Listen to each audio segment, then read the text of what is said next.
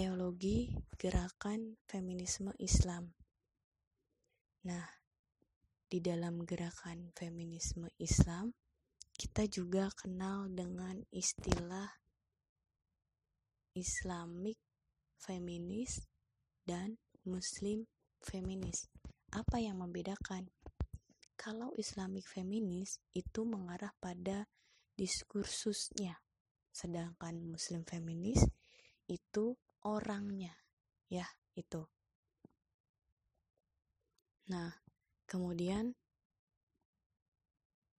pemikiran tentang feminisme Islam ini gitu ya muncul pada tahun 1990-an. Jadi 1990 di berbagai wilayah di dunia pada saat dunia sastra barat ya banyak membicarakan tema perempuan dalam Islam.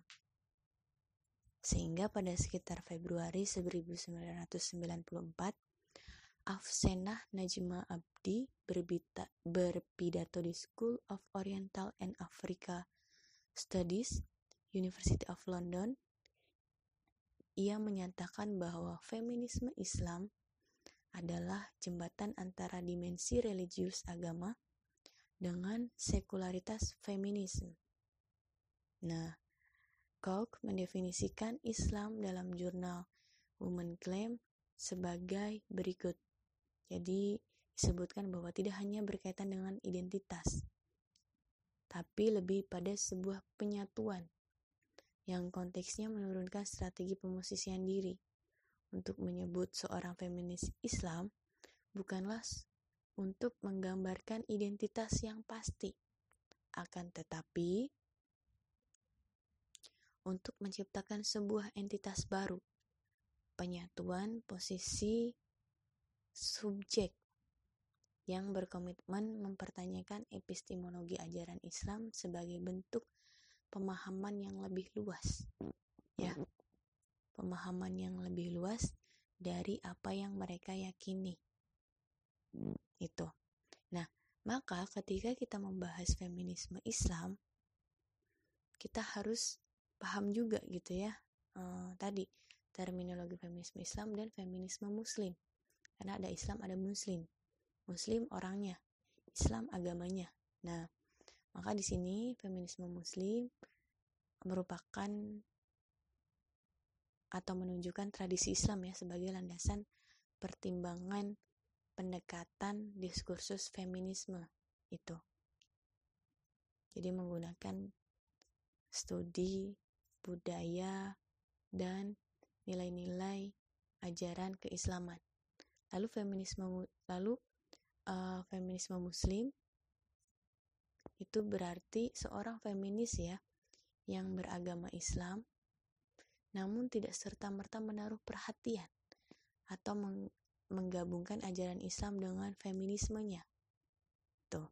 Jadi saya muslim, saya tidak harus selalu mengkaji isu perempuan dengan perspektif Islam.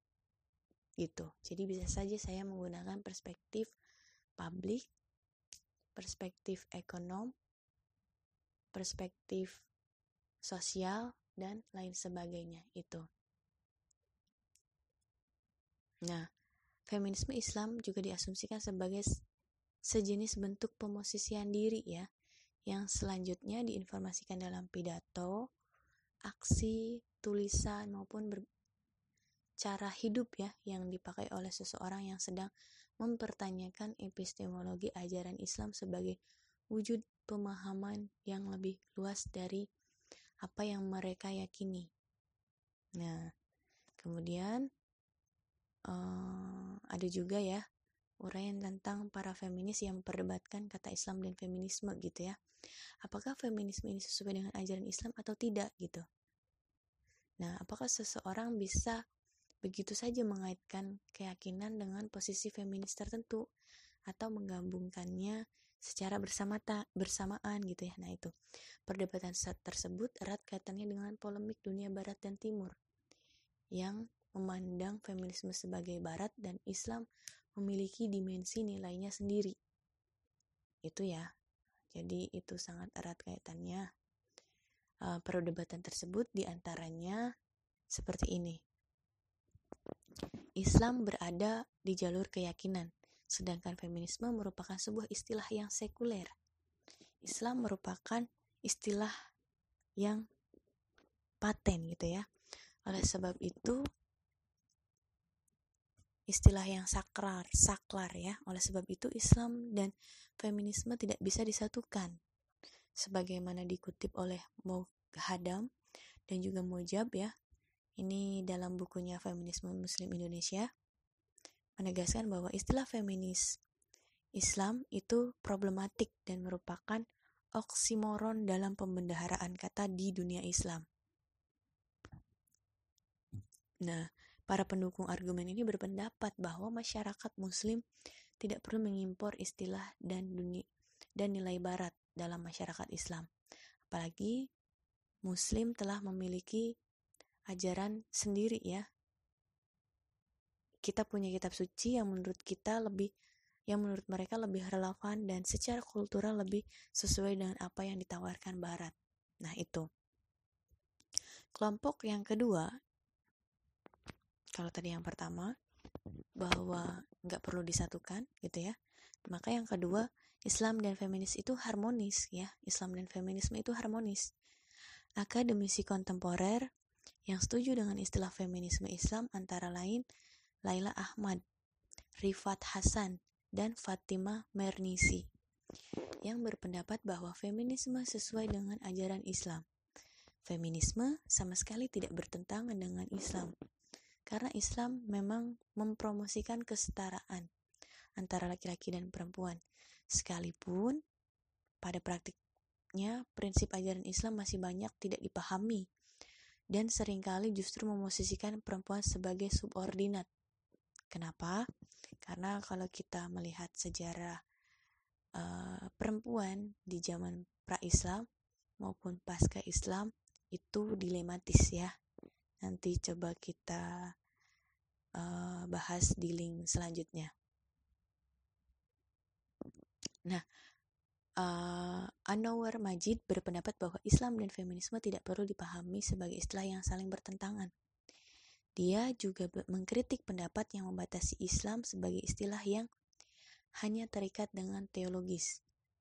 Nah, di luar perdebatan tersebut, para feminis muslim ini terus menggali ya dengan menggunakan pendekatan sejarah dan hermeneutis untuk apa? Untuk menunjukkan dasar pemahaman mereka mengenai argumen kesetaraan gender. Nah, dalam pendekatan sejarah ini memberikan pemahaman tentang bangunan sebuah masyarakat, pemikiran dan ruang religiusitas, di mana di dalamnya memungkinkan dekonstruksi pemahaman mengenai kesetaraan gender.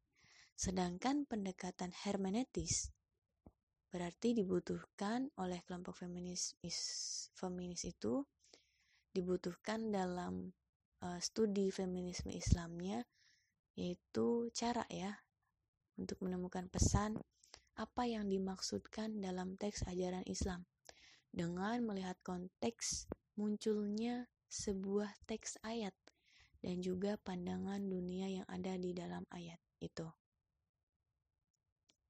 Nah, dalam bukunya Right of Women in Islam yang ditulis oleh Ali Engineer Asgar Asgar Ali Engineer ya pemikir feminis Islam disebutkan bahwa gerakan feminisme Islam bertujuan untuk memperoleh keadilan bagi laki-laki maupun perempuan.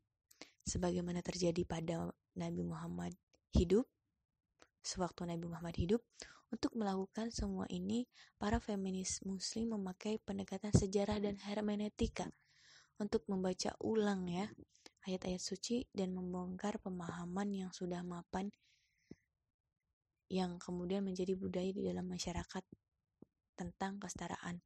Padahal itu sudah tidak relevan. Padahal dinamis dinamisasi zaman terus berubah gitu ya. Nah, ini berarti dikaitkan dengan uh, kita harus selalu ber upgrade diri ya dengan prinsip moderasi itu. Nah, Ada juga statement dari Nasaruddin Umar dalam bukunya Quran untuk perempuan ya sebagai seorang akademisi akademisi Islam dan aktivis gender gitu menyebutkan ketika orang membaca isu Quran terkait isu gender seperti poligami, warisan, saksi, hak-hak reproduksi, hak perempuan, menggugat cerai dan peran perempuan di ruang publik, mereka akan sekilas terkesan misoginis. Akan tetapi apabila ia bersedia memeriksa lebih dalam memakai metode analisis semantik, semiotik, dan hermeneutik serta mengerti teori asbabul nujul atau sebab-sebab diturunkannya ayat, akan terlihat bahwa persoalan seputar gender ini merupakan bagian dari proses mengusahakan ketidakadilan yang berarti ayat suci tidak pernah mendiskriminasi perempuan, gitu ya. Nah, perbedaan pemahaman-pemahaman di tersebut membentuk pemahaman diri para aktivis gender di Indonesia, gitu ya. Yang muda lebih suka menyebut dirinya sebagai feminis itu jadi kun, uh, poinnya konsep feminis yang ada di Indonesia itu uh, masih dengan pendekatan-pendekatan tadi ya teman-teman yang mengadopsi dari Asgar Ali Engineer dan Nasaruddin Umar